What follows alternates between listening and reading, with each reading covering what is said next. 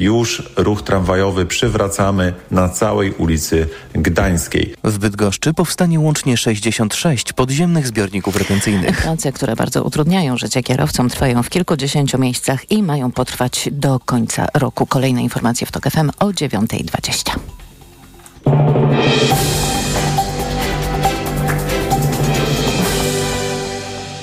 Dobrej pogody życzę sponsor programu. Japońska firma Daikin. Producent pomp ciepła, klimatyzacji i oczyszczaczy powietrza. www.daikin.pl Pogoda. 33 stopnie pokażą dziś termometry w Białymstoku, 32 w Warszawie, 30 w Lublinie i Łodzi, 29 w Krakowie i Katowicach, 28 we Wrocławiu, 27 w Poznaniu, 26 w Szczecinie, 23 stopnie w Trójmieście. Czwartek będzie deszczowy i burzowy, zwłaszcza na południu i południowym zachodzie, w pozostałej części kraju więcej przejaśnień. Dobrej pogody życzę sponsor programu. Japońska firma Daikin. Producent pomp ciepła, klimatyzacji i oczyszczaczy powietrza. www.daikin.pl Krakowie, Augustowie, Lęborku i Zamościu nieco gorsza jakość powietrza o poranku. Poza tym we wschodniej połowie kraju jest w miarę dobrze, w zachodniej nieco lepiej. Kolejny raport smogowy w TOK FM po 17.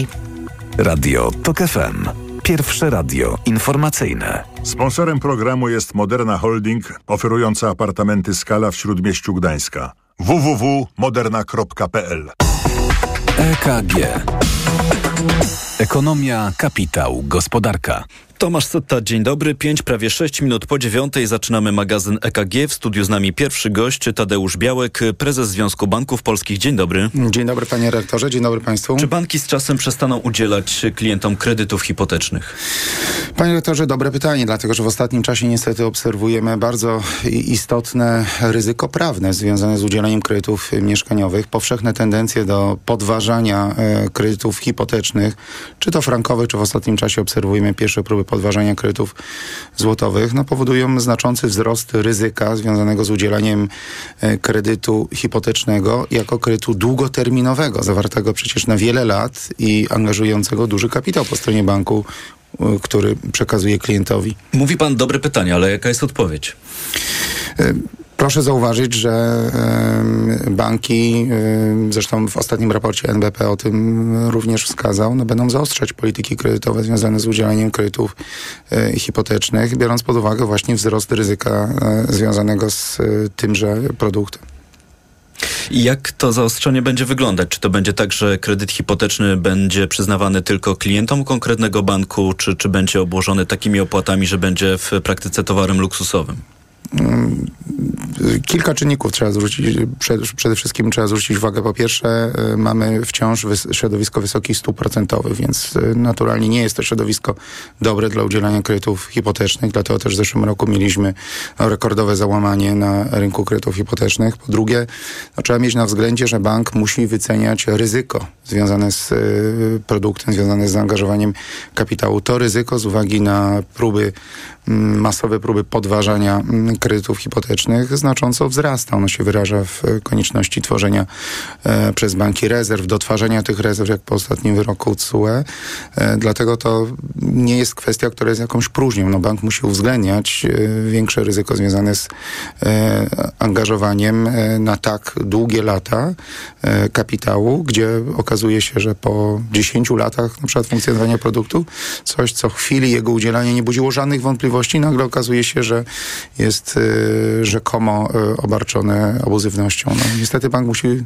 analizować i zwracać uwagę na tego typu A może panie prezesie to jest tak, że sektor bankowy dzisiaj wysyła mm, komunikat w takiej postaci, bo to, do czego się odwołuje w swoich pytaniach, to są takie mm, sprawy, które pojawiły się całkiem niedawno w prasie. Może to jest taki komunikat, który sektor wysyła, że oto za jakiś czas przestanie udzielać kredytów hipotecznych po to, żeby na przykład dzisiaj zniechęcić osoby, mm, tych klientów, y, którzy idą do sądu i próbują podważyć y, WIBOR. Tak, żeby zakiełkować gdzieś w opinii publicznej taką oto myśl, że to jest y, zły ruch, no bo jeśli takie sytuacje będą się powtarzać, no to sektor bankowy pogrozi wszystkim przyszłym kredytobiorcom w taki oto sposób palcem, że nie dostaniecie kredytu.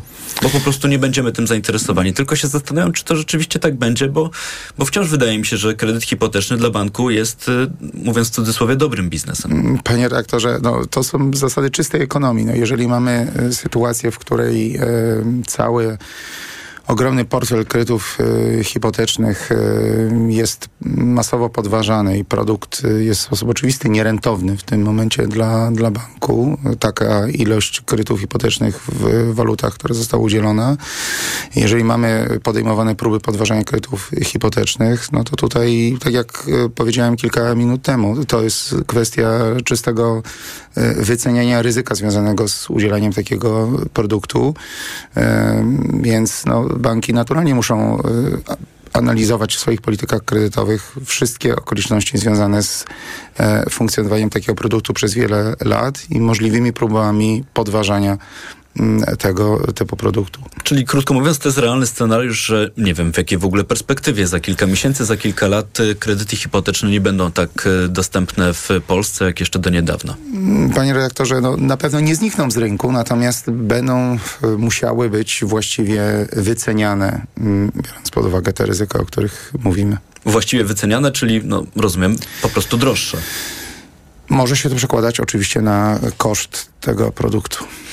No dobrze, to skoro o kosztach mówimy i też już w naszej rozmowie mówiliśmy o, o rezerwach, to pozwoli pan, że przyjrzymy się zyskom banków za drugi kwartał, bo te są publikowane. W banku BNP Paribas drugi kwartał lepszy od oczekiwań. Zysk banku PKO SA ponad trzy razy wyższy niż w analogicznym okresie ubiegłego roku. Zysk Alior Banku w drugim kwartale tego roku wzrósł do rekordowego poziomu ponad dwukrotnie. To są wybrane nagłówki z ostatnich dni, bo trwa seria publikacji tych wyników banków za drugi kwartał. Jak te rekordowe zyski mają się do tych zapowiedzi sektora bankowego, że będzie bardzo źle, na przykład po tym niedawnym wyroku e, Trybunału Sprawiedliwości Unii Europejskiej w sprawie frankowej? Panie rektorze, ja ciągle powtarzam, że my popełniamy pewien błąd, patrząc wycinkowo na kwartalne wyniki podawane przez banki, bo z punktu widzenia funkcjonowania banku i jego właścicieli, inwestorów, najważniejszą kwestią jest tak zwany zwrot na kapitale, czyli tak naprawdę mm, ile z tego banku inwestor może zarobić, mówiąc już yy, najprościej jak się da. I ten zwrot na kapitale jest rekordowo niski. Ten zwrot na kapitale jest jednym z najniższych w Europie. E, Znaczy, możemy powiedzieć tak, żeby słuchaczki Mhm. i słuchacze mieli jasność, jak to ma się do tego zysku, do tego, o czym powiedziałem przed momentem. Ten zysk, panie redaktorze, e, trzeba patrzeć w perspektywie rocznej. E, tak jak w zeszłym roku mieliśmy przykładowo e, wakacje kredytowe i też pierwsze kwartały wskazywały na potencjalnie rekordowe wyniki, po czym wprowadzone wakacje kredytowe e, z tego zysku, mówiąc kolokwialnie, zjadły, zjadły blisko 20 miliardów złotych. Więc nie można patrzeć wycinkowo tylko przez pryzmat kwartału mm, na zyski. Trzeba mm, brać pod uwagę wszystkie obciążenia, które są e, planowane i które mogą być w trakcie roku e, nałożone na banki. I dopiero de facto ostatecznie możemy patrzeć na koniec roku przez pryzmat mm, tego, czy, jakie zyski bank osiąga. Ale jeszcze raz podkreślam, e, to jest, ja wiem, że to jest jedna z ulubionych kwestii podnoszonych przez dziennikarzy, patrzenie na te wycinkowe zyski. Natomiast szkoda, ja staram się to przy każdym wywiadzie podkreślać, że nie patrzymy na tą kwestię, która z punktu widzenia inwestorów jest najistotniejsza. Nie wiem, czy Zwrot ul- na ulubiona kapitale. dla dziennikarzy. Wydaje mi się, że y, słuchaczki i słuchacze, którzy też no, śledzą te informacje, mogą mieć jakiś dysonans poznawczy. Z jednej strony y, państwo także tutaj w magazynie EKG przed tym wyrokiem TSUE kreśliliście y, y, czarne scenariusze, że jeśli wyrok będzie nie po waszej myśli, to nie będzie można finansować gospodarki. I potem zderzają się z takimi artykułami, więc chciałbym, żebyśmy mieli jasność, no też jak to z państwa perspektywy wygląda, ale żeby jakoś ten dysonans Mhm. wyjaśnić. Panie rektorze, ale ja już wyjaśniam. E, Biorąc pod uwagę, że wyrok zapadł w czerwcu, tak, i biorąc pod uwagę to, o czym mówił Narodowy Bank Polski, że mamy już utworzonych około między 40 a 45 miliardów rezerw na kredyty frankowe i w związku z wyrokiem trzeba będzie utworzyć e, kolejnych e, 40 do 50 miliardów rezerw, to nie jest rzecz, która dzieje się z dnia na dzień. Tak? Ten proces związany z dotwarzaniem rezerw wymaga uzgodnień z audytorami, wymaga tak naprawdę przejścia pewnej ścieżki. To jest rzecz, która właśnie się dzieje. Banki muszą dotwarzać rezerwy związane z wyrokiem CUE. Czyli tego Te nie widać w rezerwy... tych y, wynikach teraz, tylko pojawi się w niedalekiej przyszłości. Tak, znaczy generalnie, y, jeszcze raz podkreślam, y, nie możemy patrzeć wycinkowo na kwartalne e, informacje dotyczące wyników banków. Trzeba patrzeć całościowo na funkcjonowanie banku, na, na zwrot na kapitale, na koszt kapitału, który jest rekordowo wysoki też dla banków e, i wreszcie na problem związany z brakiem możliwości realnego odtwarzania kapitałów przez banki. Nie wspomnę już o tym, że w zeszłym roku z uwagi na przecenę obligacji banki straciły na kapitałach e, w całości blisko 30 miliardów złotych. Gościem magazynu EKG jest dzisiaj Tadeusz Białek, prezes Związku Banków Polskich. Powoli zbliżamy się do końca naszej rozmowy, ale jeszcze o dwie sprawy chciałem zapytać. Już też nieraz o tym rozmawialiśmy w magazynie EKG, ale trwa kampania wyborcza, więc muszę wrócić do pytania o wakacje kredytowe. Rządzący cały czas czekają z decyzją, czy przedłużyć to rozwiązanie o kolejny okres. Paweł Borys, szef Polskiego Funduszu Rozwoju, tu w programie całkiem niedawno mówił o tym, że rząd czeka na to, co zrobi Rada Polityki Pieniężnej, ale nawet jeśli Rada obniży jesienią stopy procentowe, a takie są zapowiedzi i, i komentarze, to szef PFR-u twierdzi, że nawet w takich warunkach będzie uzasadnienie, żeby te tak zwane wakacje kredytowe przedłużyć, ale zgodnie z tym, co mówił premier, z warunkami y, przystąpienia do tego programu nie będzie powszechny, trzeba będzie spełnić na przykład kryterium dochodowe. Panie rektorze, może zacznę od końca. Rzeczywiście, jeśli chodzi o kryteria, e, to jest rzecz, e, którą nie tylko my głośno mówiliśmy, że jest konieczna, ale w ostatnim czasie w zakresie niezbędności kryteriów dla wszelkiego rodzaju moratoriów, a wakacje są rodzajem moratoriów, wypowiadał się Europejski Urząd Nadzoru Bankowego, czy nawet ostatnio Międzynarodowy Fundusz Walutowy. Więc cieszę się, że, że jakby ta kwestia e, zaczyna być brana pod uwagę, że jeżeli mówimy o jakichkolwiek moratoriach, nawet moratoria covidowe, przypomnę, e, miały swoje kryteria i wyraźnie nawet wtedy Europejski Urząd Nadzoru Bankowego mówił, że nie można udzielać wakacji, odroczeń, moratoriów bez jakichkolwiek kryteriów. Więc to na pewno dobra informacja, że jeżeli w ogóle wakacje są rozważane, to jednak te kryteria, o których mówiliśmy na samym początku, będą y, wzięte pod uwagę. Tak zresztą jest przy funkcjonowaniu Funduszu Wsparcia Kredytobiorców. Tam te kryteria od samego początku są i były i mam nadzieję, że one będą podobne jak przy Funduszu Wsparcia. Natomiast czy rzeczywiście jest potrzeba kontynuowania wakacji kredytowych, no to y, oczywiście pytanie, y, które zawsze sobie stawiamy, biorąc pod uwagę dostępne już instrumentaria pomocowe. Zawsze powtarzam, że podstawowym instrumentarium pomocowym y, jest i być powinien Fundusz Wsparcia Kredytobiorców. No, zobaczymy, jaki, jakie te pomysły rzeczywiście zostaną zaprezentowane, na jak długi okres i jakie będą przede wszystkim te kryteria, bo na razie mówimy dość ogólnie o tych kryteriach. Zdaje się, że te decyzje wciąż jeszcze musimy poczekać, przynajmniej tak długo, jak nie znamy decyzji Rady Polityki Pieniężnej. To absolutnie na sam koniec chciałem jeszcze zapytać, czy z punktu widzenia sektora bankowego kwestia kredytów frankowych to wciąż sprawa otwarta. Pomimo tego wyroku TSUE, który niedawno zapadł, on mhm. dotyczył wtedy opłaty za korzystanie z kapitału. E, panie rektorze, oczywiście, że tak. Chciałbym zwrócić uwagę na to, że w ostatnim czasie, w ostatnich tygodniach zapadły trzy wyroki, a ostatni zapadł 11 sierpnia, które wyraźnie wskazały, że bank jest uprawniony do żądania waloryzacji przy zwrocie kapitałów. Jeden z wyroków, Sąd Okręgowy w Gdańsku stwierdził, że wyrok TSUE wcale nie odnosił się e, do waloryzacji, bo waloryzacja jest zupełnie czymś innym niż wynagrodzenie. Wynika z e, kodeksu cywilnego, jest żądaniem wyrównania e, strat związanych ze zmianą siły nabywczej pieniądza. I w tym wyroku z 11 sierpnia, który zapadł kilka dni temu w Sądzie Okręgowym w Elblągu, sąd wyraźnie stwierdził, że na skutek inflacji, która nastąpiła w międzyczasie, absolutnie uzasadnionym jest wyrównanie y, tej utraconej siły nabywczej pieniądza, która w przeciągu tychże lat nastąpiła. dodajmy, te wyroki, o których pan mówi, są nieprawomocne, plus y, w tej sprawie pojawiło się, czy jest też pytanie do Trybunału Sprawiedliwości, y, też w tej sprawie się jeszcze wypowie. Więc to nie jest tak, że te wyroki są przesądzające. O, oczywiście wyroki są nieprawomocne, natomiast ściśle rzecz ujmując to pytanie, które jest w TSUE, dotyczy lustrzanej sprawy, czy bankowi przysługuje wynagrodzenie. Jeden z pełnomocników rzeczywiście wniósł, y, aby Trybunał się y, dookreślił w zakresie waloryzacji. Natomiast ten wniosek no, nie ma przynajmniej na razie charakteru wierzącego dla Trybunału. Zobaczymy, jak Trybunał się w tej sprawie wypowie. Widać jednak już, że ta sprawa waloryzacji roszczenia, która jest relatywnie nowa w sądach, bo banki wcześniej przecież o to nie wnosiły, wnosiło wynagrodzenie za korzystanie z kapitału, jednak y, zostawia pewien y, znak zapytania, y, czy rzeczywiście jest tak, że banki nie powinny otrzymać żadnej, żadnej, żadnego zwrotu, jeśli chodzi o zmianę siły nabywczej pieniądza. To krótko, panie prezesie, bo jesteśmy po czasie. Czy nie ma pan takiego poczucia, że te osoby, które teraz nas słuchają, mogą odnieść takie oto wrażenie, że sektor bankowy po prostu nie potrafi odpuścić? Że wydawało się, że ta sprawa czerwcowa jakby rozstrzyga sprawę. A tu pojawiają się nowe pomysły na to, jak, jak walczyć dalej. Panie redaktorze, ja może inaczej to pytanie postawię, bo już wielokrotnie o tym powtarzałem, że, że jesteśmy jedynym krajem w Unii Europejskiej, gdzie mamy do czynienia z masowym unieważnianiem umów kredytów walutowych, ale zadam pytanie ze strony zwykłych zasad sprawiedliwości społecznej. Czy to jest po prostu uczciwe, że ktoś, kto wziął od banku kapitał, um, zakupił mieszkanie, dom, wzbogacił się, to jest konkretna pozycja w jego majątku, która wzrosła przez ostatnie lata, z której często czerpał dodatkowe korzyści w postaci wynajmu, że po latach korzystania z tego kapitału no nie musi nic bankowi za to zapłacić. Ta sankcja związana z abuzywnością klauzuli jest absolutnie nieproporcjonalna do unieważnienia umowy i braku możliwości żądania przez bank jakiegokolwiek... SUE tłumaczył to w ten sposób, że skoro bank postąpił w taki, a nie inny sposób, nie może czerpać z tego tytułu korzyści.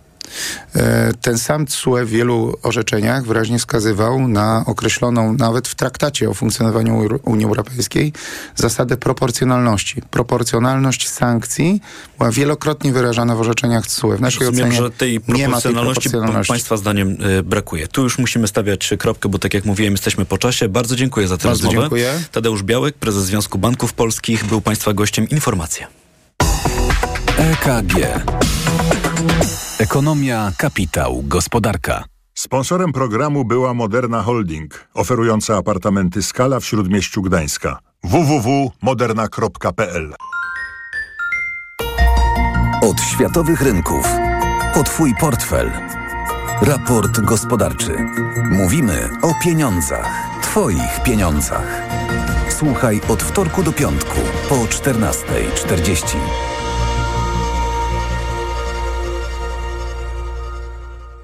Sponsorem programu jest Moderna Holding, oferująca apartamenty Skala w Śródmieściu Gdańska. www.moderna.pl Reklama.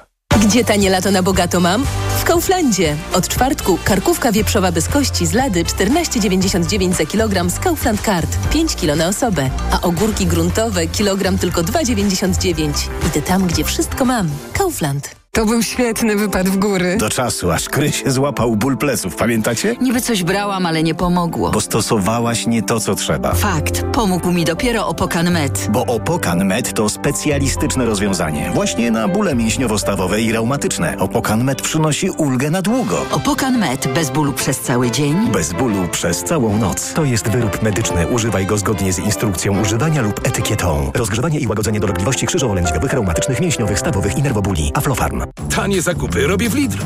Według faktu spośród czterech podmiotów objętych zestawieniem koszyk 25 podstawowych produktów jest najtańszy w Lidlu. Źródło fakt. Wydanie internetowe z 9 sierpnia 2023 roku. Szczegóły na www.lidl.pl Pani dietetyk, czy osoby starsze powinny nawadniać organizm tylko podczas upałów? U seniorów nawet ciepły dzień to duże ryzyko odwodnienia. Co w takim razie pani zaleca? Codzienne stosowanie elektrolitów Hydrooptima Senior. Suplement diety Hydrooptima Senior ma niską zawartość sodu i glukozy, co ma znaczenie dla osób z nadciśnieniem i podwyższonym poziomem cukru. Dodatkowo Hydrooptima Senior zawiera wyciąg z vitis vinifera wspomagający krążenie. Hydrooptima Senior? To skuteczne i bezpieczne nawodnienie organizmu osób starszych. Aflofarm. Reklama. Radio TOK FM. Pierwsze radio informacyjne. Informacje TOK FM. 9.20 Piotr Jaśkowiak, zapraszam. Wielkopolscy strażacy mają pełne ręce roboty z powodu ulew i burz. Najwięcej zgłoszeń dotyczy zalanych ulic i podtopionych budynków, głównie w Poznaniu i okolicach, a także w Gostyniu, Kościanie i Rawiczu. Dyżurny Straży Pożarnej informuje, że nie ma informacji o rannych ani zerwanych dachach. Ostrzeżenia przed burzami obowiązują w południowo-zachodniej części kraju. To są informacje TOK FM. Wieloletni przeciwnik byłego premiera Bułgarii zginął w zamachu w Sofii. 61-letni Aleksiej Petrow zginął na spacerze w lesie. Kilkanaście lat temu właśnie zarządów Bojko Borisowa trafił do aresztu i usłyszał zarzuty organizowania grupy przestępczej. Usłyszał wyrok uniewinniający. Petrow był symbolem siatki połączeń między dawną komunistyczną bezpieką, biznesem, półświadkiem kryminalnym i środowiskiem politycznym w Bułgarii. Hiszpański premier Pedro Sánchez ogłasza gotowość utworzenia nowego, swojego trzeciego już rządu. Miałby on powstać za sprawą socjalistów i innych ugrupowań lewicy, a także regionalnych partii z Katalonii i Baskonii. Wybiła godzina demokracji parlamentarnej, mówi Sanchez, przekonując, że choć centroprawicowa Partia Ludowa wygrała wybory, to jak stwierdził, spaliła za sobą mosty prowadzące do sformowania rządu.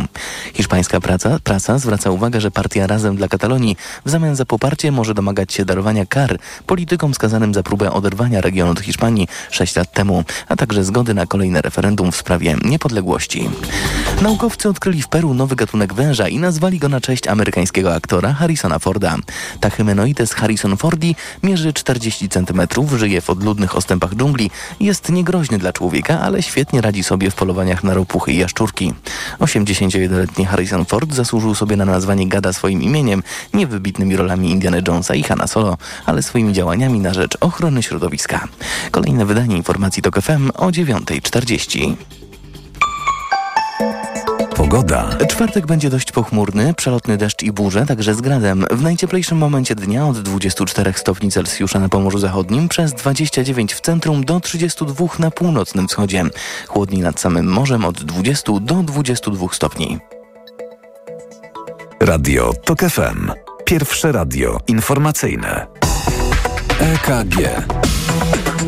Ekonomia, kapitał, gospodarka. W Radiu TOK FM zaczynamy drugą część magazynu EKG. Jest 9.25, a Państwa goście w tej i w kolejnej części to dziś pani Monika Konstant, prezes Związku Polskiego Leasingu. Dzień dobry. Witam serdecznie. Pan Grzegorz Maliszewski, główny ekonomista Banku Millennium. Dzień dobry.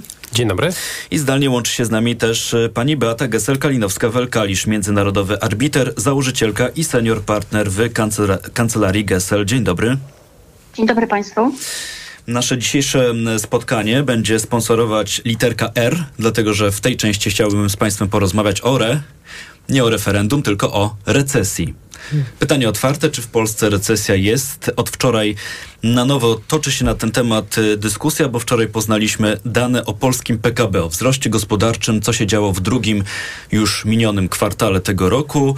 Dane, mówiąc tak oględnie, nie są najlepsze, bo są to dane na minusie, ale oddam głos ekspertom. Grzegorz Maliszewski na początek. Jest recesja czy nie? Myślę, że to zależy od tego, jak zdefiniujemy recesję. Jeśli spojrzymy na dane pokazujące dynamikę PKB, ponieważ rozumiem, że ta dyskusja ożywiła się po opublikowaniu wczorajszych danych o e, wzroście, o wzroście, o braku wzrostu gospodarczego, czyli o spadku PKB o, o 0,5%. Drugi kwartał z rzędu. E, w samym drugim kwartale to był spadek PKB o 3,7, więc e, te cyfry pokazują, że gospodarka rzeczywiście jest w regresie. Natomiast czy jest recesja? Ja bym chyba aż tak daleko nie poszedł, bo ja recesję traktuję dość szeroko. Nie w taki sposób, czy to był minus, czy to były dwa kwartały minusu.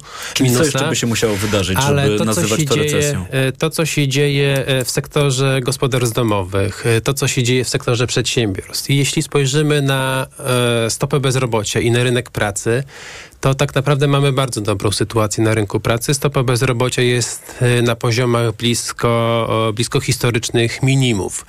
Zatrudnienie rośnie, ono nieznacznie, jego wzrost spowalnia, ale nie mamy masowych zwolnień. Więc jeśli nie ma masowych zwolnień, nie ma zaburzenia dużego na rynku pracy, utrzymuje się solidny wzrost wynagrodzeń, yy, poprawiają się nastroje konsumentów, to ja recesji ekonomicznej e, nie widzę w tych danych. Widzę spowolnienie, widzę hamowanie popytu, natomiast to hamowanie też i te spadki, o których tutaj mówimy, one następują e, z wysokich poziomów.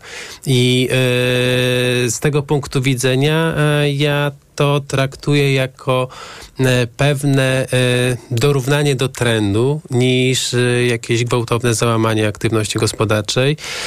Recesji ekonomicznej w gospodarce no, ja nie dostrzegam, ponieważ te spadki, które widzimy, no, są efektem silnego wzrostu w poprzednich okresach.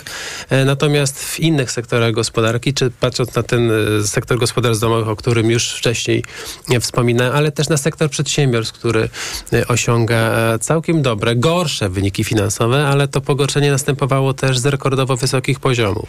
To o jeszcze jedną rzecz muszę zapytać, dlatego że taki pełny raport od Głównego Urzędu Statystycznego o tym, mm, jakie były składowe tego PKB w drugim kwartale, mm, szczegóły poznamy dopiero pod koniec miesiąca, więc e, na razie możemy tylko zastanawiać się wspólnie, co spowodowało, że te wyniki były takie, jakie były, czyli przypomnijmy, w porównaniu do poprzedniego roku, drugiego kwartału poprzedniego poprzedniego roku to spadek o 0,5%, a w takim porównaniu drugi kwartał do pierwszego kwartału to prawie 4%. Dodam tylko, że w nawiasie to zdaje się najgłębszy taki e, spadek w całej Unii Europejskiej. Ale to jeszcze bardzo krótko, tak jednym zdaniem e, pańskie podejrzenia, co sprawiło, że te wyniki tak wyglądały?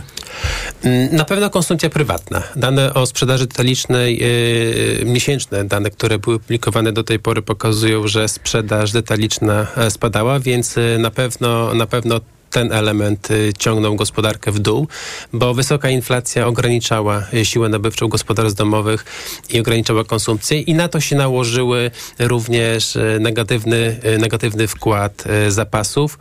E, bo w, ubiegłych, e, w ubiegłym roku te zapasy silnie rosły. Obecnie, kiedy wzrost gospodarczy spowalnia, kiedy e, udrożniły się łańcuchy dostaw i ceny surowców spadły, potrzeba akumulacji zapasów jest dużo mniejsza. Mówił pan Grzegorz Maliszewski, bardzo dziękuję. Dużo liczb, dużo statystyki, też jakichś podejrzeń, ale pytanie, jak to wygląda w tym takim realnym, na co dzień prowadzonym biznesie. Pani Monika Konstant, z perspektywy Związku Polskiego Leasingu, to ta recesja jest czy nie ma?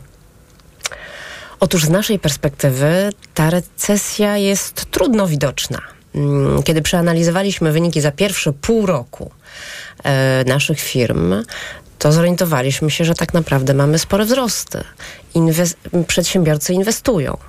E, zakupują aktywa e, do tego, żeby rozwijać swoją działalność. I oczywiście e, dużą częścią tych aktywów, na które zdecydowali się przedsiębiorcy, to jest, są samochody. Samochody czy osobowe, czy również ten transport ciężki. Ale mimo wszystko widzimy, że cały czas przedsiębiorcy ufają i chcą iść do przodu. Więc faktycznie mam wrażenie, że ta recesja jest spowodowana przede wszystkim spadkiem konsumpcji prywatnej. Chociaż tutaj otwieram nawias. E, wracam z kilkudniowego pobytu e, nad naszymi polskimi, nad naszym polskim morzem i przyznam szczerze, że no, takich e, tłumów turystów i kolejek do restauracji już dawno nie widziałam.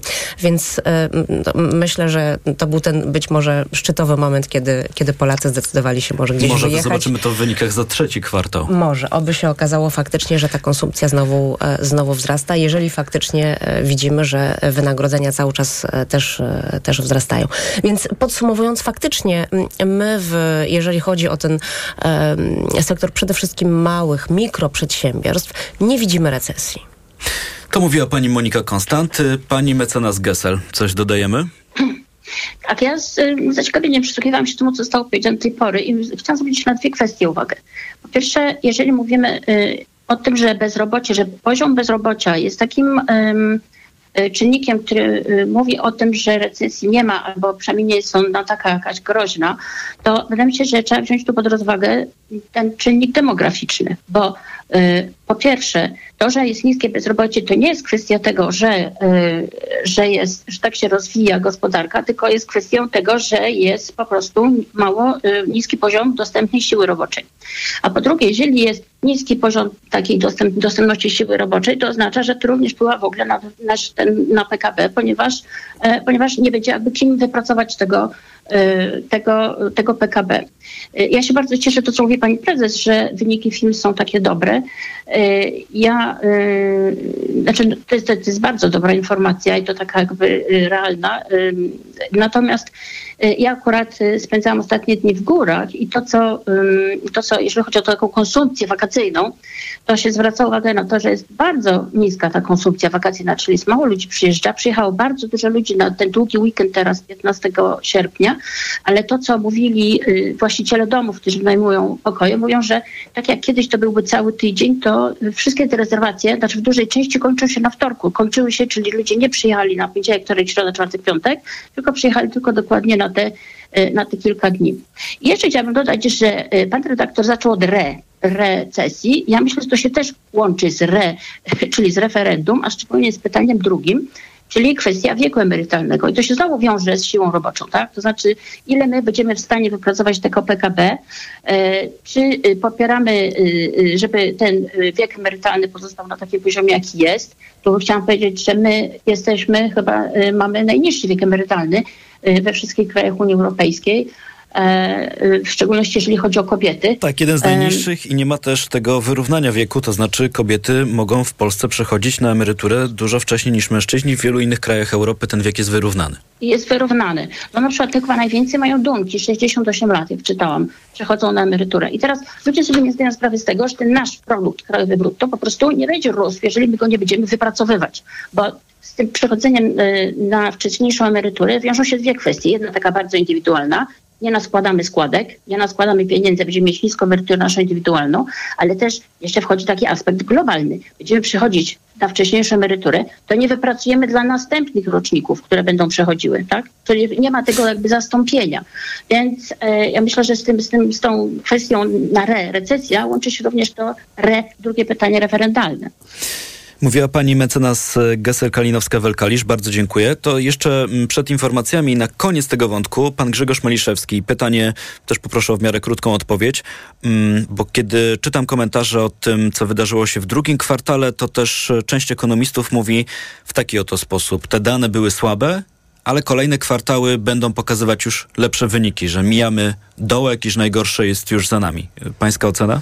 Mm, zgadzam się z tym, y, chociażby to wiąże się z tym, że inflacja e, wyhamowuje, a w związku z tym będzie się poprawiała e, siła nabywcza, czyli realna dynamika wynagrodzeń, a to pozwoli e, odbić się konsumpcji. Ja bym jeszcze też może tak adwocem tego, tej recesji, bo na różne aspekty zwracaliśmy poprzez pryzmat różnych danych, natomiast jeśli spojrzymy na badania koniunktury, więc spójrzmy na to, jak sytuację oceniają przedsiębiorcy, no bo to oni tworzą PKB i oni e, e, widzą, czy jest ta recesja, czy nie. I e, w badaniach koniunktury Główny Urząd Statystyczny pyta przedsiębiorców o bariery rozwoju działalności gospodarczej i jedną z barier, która jest badana, jest bariera popytu, czyli czy ten popyt jest, czy ten popyt nie ma. Jeśli spojrzymy na dane z sektora przedsiębiorstw, no to dla przedsiębiorstw, dla około 40% przedsiębiorstw brak popytu krajowego jest barierą działalności gospodarczej i jest to poziom niższy niż średnia długoterminowa. Jeśli spojrzymy na handel detaliczny, no to dla jednej piątej firm handlowych y, popyt stanowi barierę y, działal rozwoju działalności gospodarczej. Historycznie średnia długoterminowa jest to ponad 30%, więc y, to oczywiście wzrosło w ostatnich miesiącach, ale to ciągle jest poniżej średniej, więc no chyba aż tak dramatycznie e, w gospodarce się nie dzieje. Mówił Grzegorz Maliszewski, są z nami też Monika Konstant i Beata Gesel-Kalinowska-Welkalisz. 9.36, e, za moment w Radiu Tok FM informacje, po nich wracamy. EKG Ekonomia, kapitał, gospodarka. Autopromocja. Od morza po góry, przez jeziora i lasy na trasie, w podróży, na wycieczce. Zawsze i wszędzie.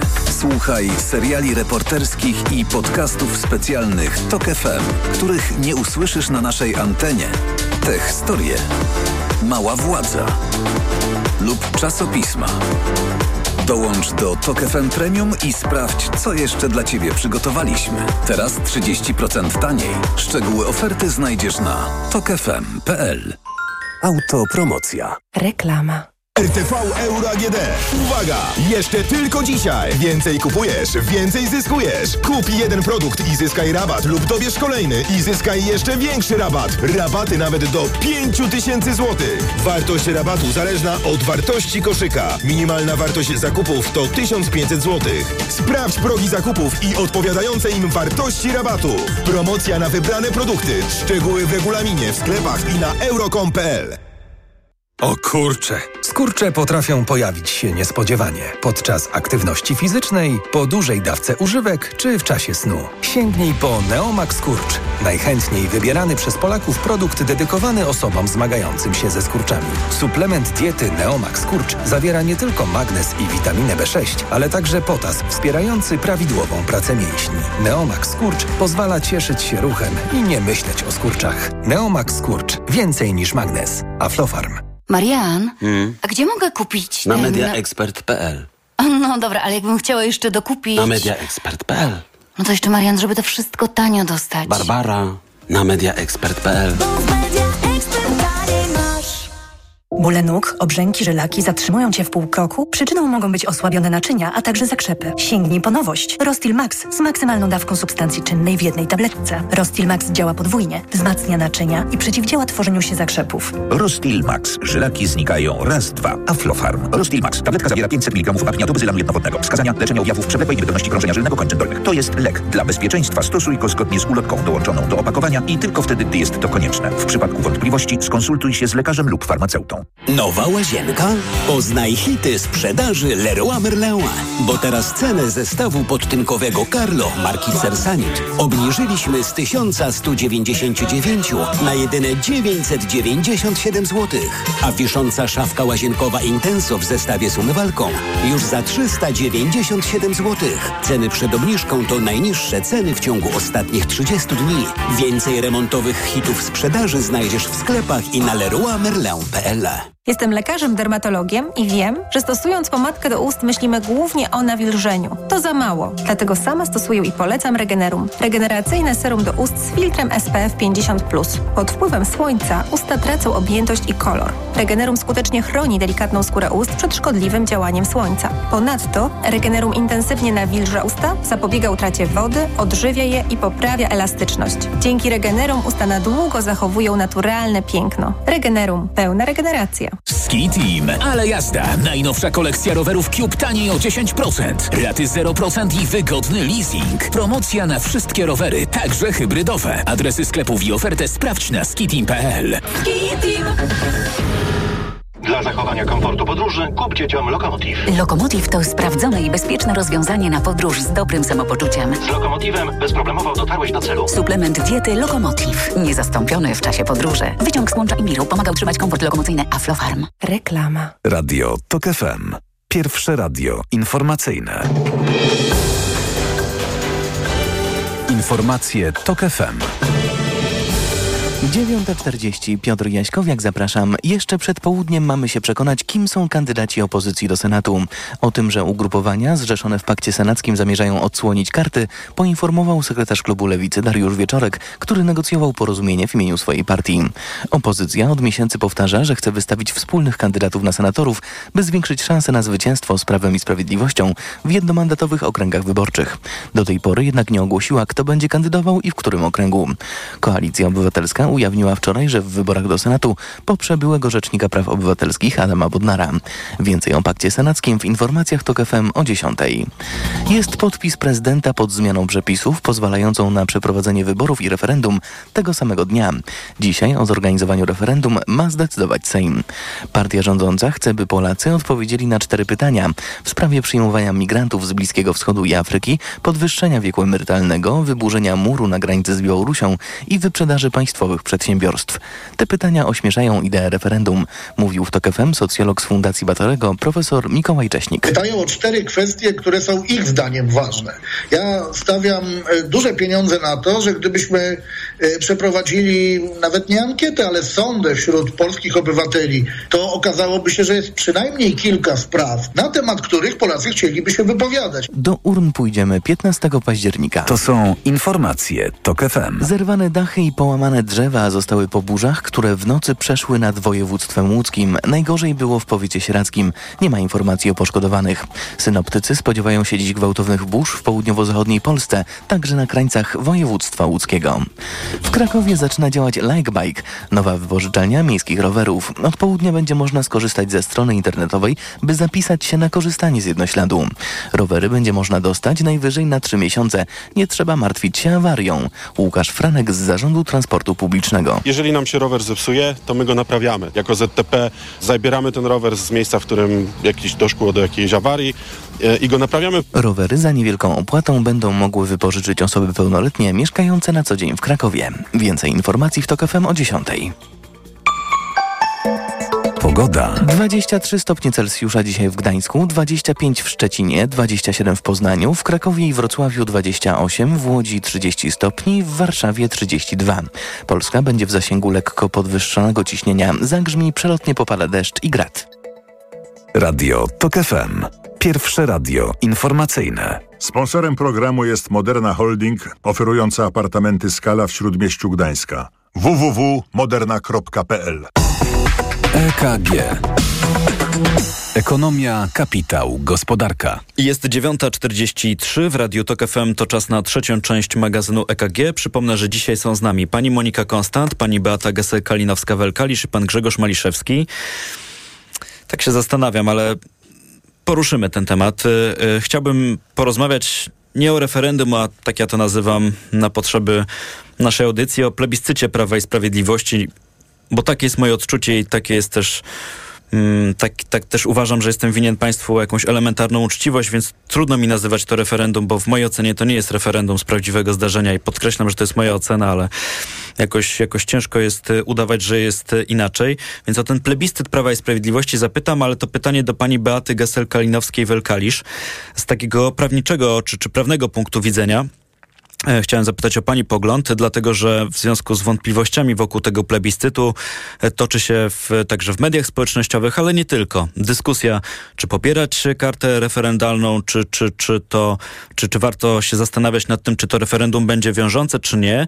A ja chciałem Panią zapytać o konstrukcję tych pytań i o sytuację, wszyscy wiemy, jakie będą odpowiedzi na te pytania. Czy, czy, czy w Pani ocenie, gdyby te odpowiedzi były takie, jakie, jak się spodziewamy, to czy przy, przy konstrukcji tych pytań i przy założeniu, że to referendum jest wiążące, to to wywoływałoby w ogóle jakieś skutki prawne, odpowiedzi tak, na tak postawione pytania? To jest bardzo dobre pytanie. Myślę, że, że nie, dlatego że referendum powinno prowadzić do określonych zmian legislacyjnych. No, taką matecznikiem referendów jest Szwajcaria.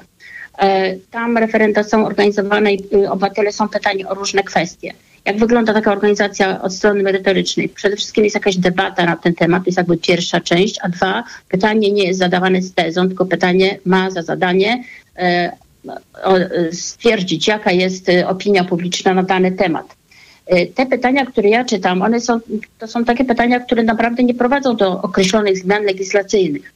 Po pierwsze. Po drugie, nie ma żadnej debaty na ten temat. Ja poruszałam w poprzedniej części kwestię wieku emerytalnego. To jest tak, moim zdaniem, zasadnicza sprawa dla nas, dla naszego dobrostanu, dla naszej gospodarki, PKB i tak dalej. Tak? To jest w tej chwili, uważam, jedna z podstawowych kwestii ekonomicznych, która powinna być przedmiotem debaty, takiej realnej debaty, debaty na argumenty.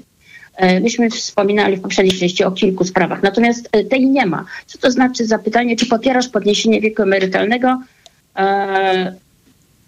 Jak w ogóle nie ma jakby dyskusji, jakie są argumenty za, a jakie są argumenty przeciwko.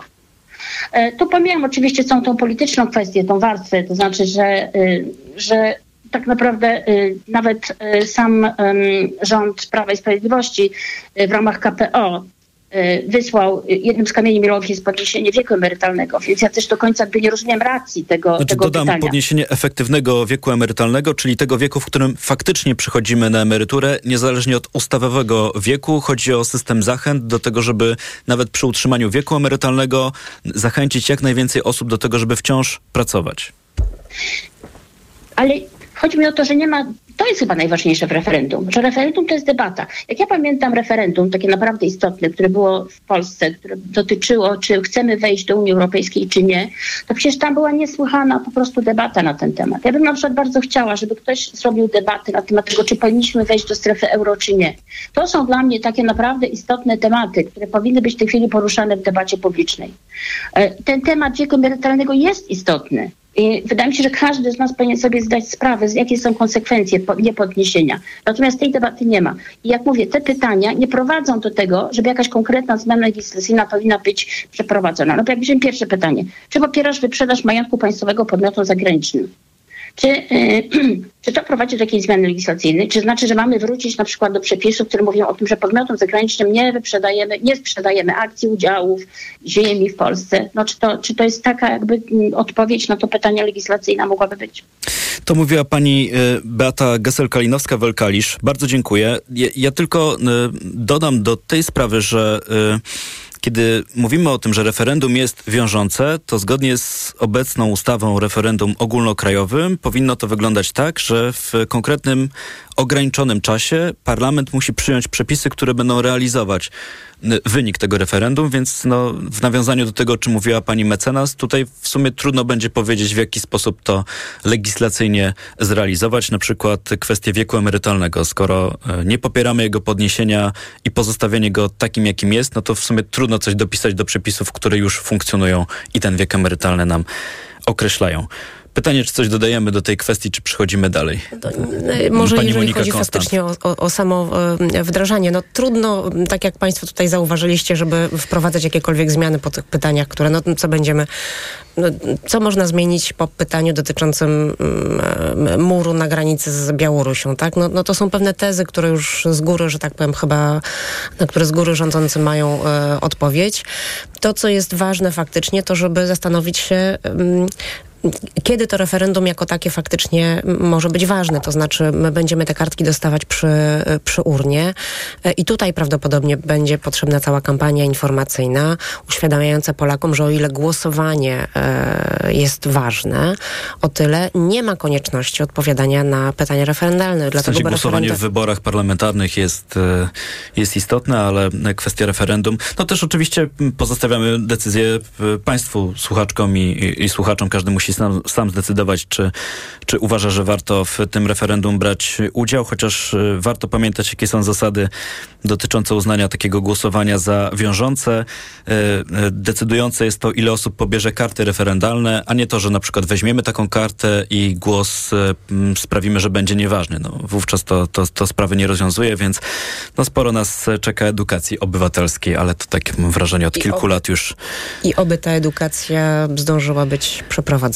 To mówiła pani Monika Konstant, wcześniej mecenas Gessel Kalinowska-Wel-Kalisz. Jest z nami także Grzegorz Maliszewski. To w magazynie EKG Czas na zdziwienia.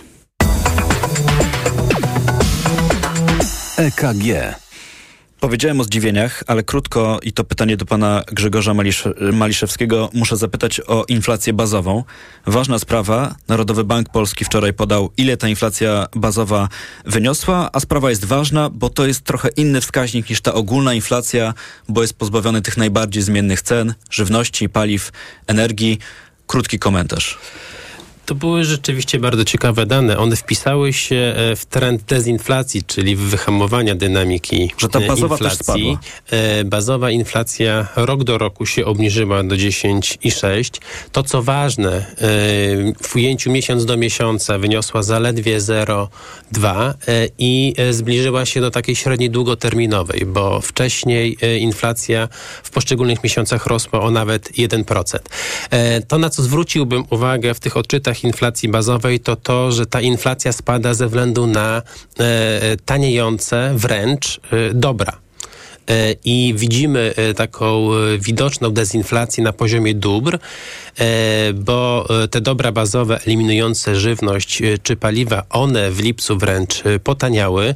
Natomiast to, co niepokoi, to utrzymująca się ciągle na wysokim poziomie inflacja na poziomie usług. Tam te ceny ciągle rosną w dość dynamicznym tempie. W całym lipcu usługi jako całość podrożały o 0,8%, a e, inflacja rok do roku to jest ponad 11%, więc e, na poziomie dóbr widać, że ten proces dezinflacji postępuje, e, natomiast z drugiej strony jest, utrzymuje się uporczywość inflacji na poziomie cen usług i to może być ten element, który będzie spowalniał powrót inflacji do celu banku centralnego. To jeszcze jedna sprawa, bo przed nami e, Rada Polityki Pieniężnej, takie pierwsze decyzyjne posiedzenie we wrześniu. Jaki y, wniosek płynie z tych danych, które poznaliśmy o inflacji bazowej i o PKB za drugi kwartał? Czy to jest sygnał do tego, żeby stopy utrzymać bez zmian, czy to jest zielone światło do obniżek? Dla zwolenników. Yy czy dla osób, które chcą, dla członków Rady Polityki Pieniężnej, które, którzy chcą obniżać stopy procentowe, jest to zestaw za obniżką stóp, e, czy to we wrześniu, czy to w październiku, to jest kwestia e, bez znaczenia z punktu widzenia ekonomicznego. Natomiast niewątpliwie jest to, jest to dla nich argument do tego, żeby obniżyć stopy procentowe, a z komunikatów, które są wysyłane z Rady Polityki Pieniężnej widać, że ta chęć do rozpoczęcia obniżek stóp procentowych jest wysoka. Mówił Grzegorz Maliszewski. To teraz te, te, te zdziwienia. Postaramy się jeszcze do pana wrócić. Pani Monika Konstant. Co panią dziwi? No, powróciłam e, z, z kilkudniowego urlopu i e, spojrzałam na to, co Sejm zamierza jeszcze zrobić w tej kadencji. Nie zostało zbyt dużo czasu. E, wczoraj, dzisiaj zebrał się Sejm i byłam zaskoczona, ponieważ przez pół roku mniej więcej Ministerstwo Rozwoju pracowało nad całą, całym pakietem deregulacyjnym, który miał właśnie wspierać przedsiębiorców. Były przeprowadzone bardzo szerokie konsultacje w tym obszarze że bardzo dużo e, organizacji przedsiębiorców e, było w to zaangażowanych i tak jak mówię, trwało to naprawdę długo. No i zaskoczona jestem, że ten pakiet deregulacyjny w ogóle nie został wzięty pod uwagę, tylko został gdzieś e, wrzucony chyba do zamrażarki, do szuflady, jak to się mówi. I jest to dla mnie o tyle zaskakujące, że zdawałoby się, że jednak przedsiębiorcy są ważni dla, dla rządzących i że wszystkie te elementy, które były wypracowane i na zasadzie konsensusu doprowadzone do Sejmu, powinny zostać wzięte pod uwagę. A jednak okazuje się, że ważniejsze są e, polityczne debaty e, i głos przedsiębiorców no, znowu został pominięty. Więc no to takie... Mówi pani o zamrażarce. Mam taką wątpliwość, że skoro dobiega końca kadencja Sejmu, to e, takie projekty, które tam już są, ulegają dyskontynuacji. To znaczy trzeba będzie znów od początku w nowej kadencji Sejmu wnieść te przepisy. Jeśli nie uda się ich dokończyć w tej kadencji, to zdaje się, że poza projektami obywatelskimi te, te rozwiązania przepadną. E, pani mecenas Gesel, bardzo krótko. Krótko. Tak, ja o takim nietypowym e, składniku PKB, dzisiaj dużo mówimy o PKB, e, Poland Rock Festival. Wróciłam niedawno z tego festiwalu i oczywiście byłam pod wrażeniem po prostu ogromnego oceanu życzliwości, jaki tam jest, taki ponad podziałami środowiskowymi, księża, młodzi, starzy, nawet prawnicy, którzy mówili o mediacjach, to też jakiś wymiar życzliwości, ale Przede wszystkim, znaczy może nie przede wszystkim, ale też co mnie zaskoczyło, to jaki to ma wymiar ekonomiczny. Ten ogromny festiwal, to są setki tysięcy ludzi, którzy przyjeżdżają. To są setki, jeśli nie tysiące miejsc noclegowych, kwatery, hotele, pola namiotowe, parkingi, setki ludzi zatrudnionych przy samej obsłudze, wywóz śmieci. Nawet patrzyłam, czy to są lokalne tablice rejestracyjne, a to był bardzo duży y, element tutaj strategii organizacji tego festiwalu. To wszystko były lokalne y, tablice rejestracyjne, sklepy, lodziarnie i tak dalej, ale przede wszystkim to jest ogromna promocja tego regionu, tego, tej części zachodniopomorskiego. Ja muszę powiedzieć, że ja tam y, raczej właściwie nie bywam w tej części. Dla mnie to było zaskakujące, jak piękna, piękna jest to część naszego kraju. I to jest chyba, no to spokojnie można przeliczyć na jakieś takie y, y, ekonomiczne wartości, znaczy jak ta promocja normalnie ile powinna kosztować. To jest ogromna wartość, wydaje mi się, taka, taka dla tego całego regionu. Mówiła I chciałam wszystkich pozdrowić, festiwalowiczów. Gesel Kalinowska-Welkalisz. Dołączamy się do pozdrowień. Każdy skądś wrócił, z tego co słyszę. Pan Grzegorz Maliszewski na koniec krótko. Też zdziwienie związane z powrotem, wakacjami? E, nie, chociaż no, z drugiej strony, jeśli w tym festiwalowym e, nastroju jesteśmy, no to też e, zwróciłbym uwagę, że Fest Festiwal został odwołany, więc ten e, biznes e, festiwalowy e, ma też e, Są różne momenty. E, Natomiast ja tak króciutko chciałem zwrócić uwagę, bo ostatnio o, wpadły mi w oko e, dane dotyczące inwestycji zagranicznych w Chinach które w drugim kwartale wyniosło około 5 miliardów e, dolarów. Jest to najniższa wartość w historii. E, Dwa lata temu bywały takie e, kwartały, kiedy ta wartość i ten napływ inwestycji bezpośrednich sięgał 100 miliardów dolarów. I oczywiście to może być sytuacja przejściowa, krótkoterminowa, natomiast być może jest to początek takiego szerokiego trendu nearshoringu i friendshoringu, czyli lokowania się inwestycji zagranicznych nie w Chinach, nie w tych najtańszych krajach producentów, tylko e, w Europie między innymi, na czym, na czym Polska być może e, ma szansę skorzystać. Mówił Grzegorz Maliszewski, Bank Millennium. Bardzo dziękuję. Byli z nami też Monika Konstant, Związek Polskiego Leasingu. Również dziękuję. Dziękuję. I Beata Gesser-Kalinowska-Welkalisz, Kancelaria Gessel. Również dziękuję. Mm, Cieszę się, że te Chiny się pojawiły w mm, pańskiej wypowiedzi, bo jutro w magazynie KG po dziewiątej będziemy o Chinach właśnie rozmawiać o tym, co dzieje się w tamtejszej gospodarce. Na koniec naszego spotkania zaglądamy na warszawską giełdę. Indeks WIG traci ponad 1,5%, WIG 20 o 31 setnych w dół, euro po 4,47, dolar po 4 zł i 10 groszy, funt po 5,23 i frank szwajcarski dziś kosztuje 4,66. To był magazyn EKG. Bardzo dziękuję Państwu za to spotkanie. Za moment informacje. Tomasz Setta. Dobrego dnia i do usłyszenia. EKG. Ekonomia, kapitał, gospodarka. Sponsorem programu była Moderna Holding, oferująca apartamenty Skala w Śródmieściu Gdańska. www.moderna.pl Lista przebojów TOK FM. Jakie radio? Taka lista. TOK 7. No to z- można by zastosować te same kryteria, które pan przed chwilą przytoczył odnośnie Tkaczenki. No, w kraju, w który toczy konflikt o charakterze egzystencjalnym, nie można sobie pozwalać na słabsze dni. Mo, może, tylko y, czy pan redaktor nie miał nigdy słabszego dnia? Ja miałem Nigdy. wielokrotnie słabsze dni. Nigdy, ale też nigdy nie byłem prezydentem i nie, Nie, nie, nie wierzę, nie wierzę, panie redaktorze. Dobrze. Oby to było też tak, że ktoś w otoczeniu Denisa Szmychala miał gorszy dzień. Prawda, panie dyrektorze? To się zdarza każdemu z nas, prawda, panie redaktorze? Dziękuję bardzo. Wojciech Konończuk, dyrektor Ośrodka Studiów. Wschodnich e, był z nami. Lista przebojów TOK FM. Słuchaj i głosuj na portalu informacyjnym tokefm.pl. Reklama. Szkoła! Studia! Praca. Przygotuj się na nowy start z MediaMarkt. Smartfon Samsung Galaxy A14 LTE z pojemną baterią tylko za 749 zł. Najniższa cena z 30 dni przed obniżką to 799 zł. Mediamarkt. Bóle nóg, obrzęki, żylaki zatrzymują cię w pół kroku? Przyczyną mogą być osłabione naczynia, a także zakrzepy. Sięgnij po nowość. Rostil Max z maksymalną dawką substancji czynnej w jednej tabletce. Rostil Max działa podwójnie, wzmacnia naczynia i przeciwdziała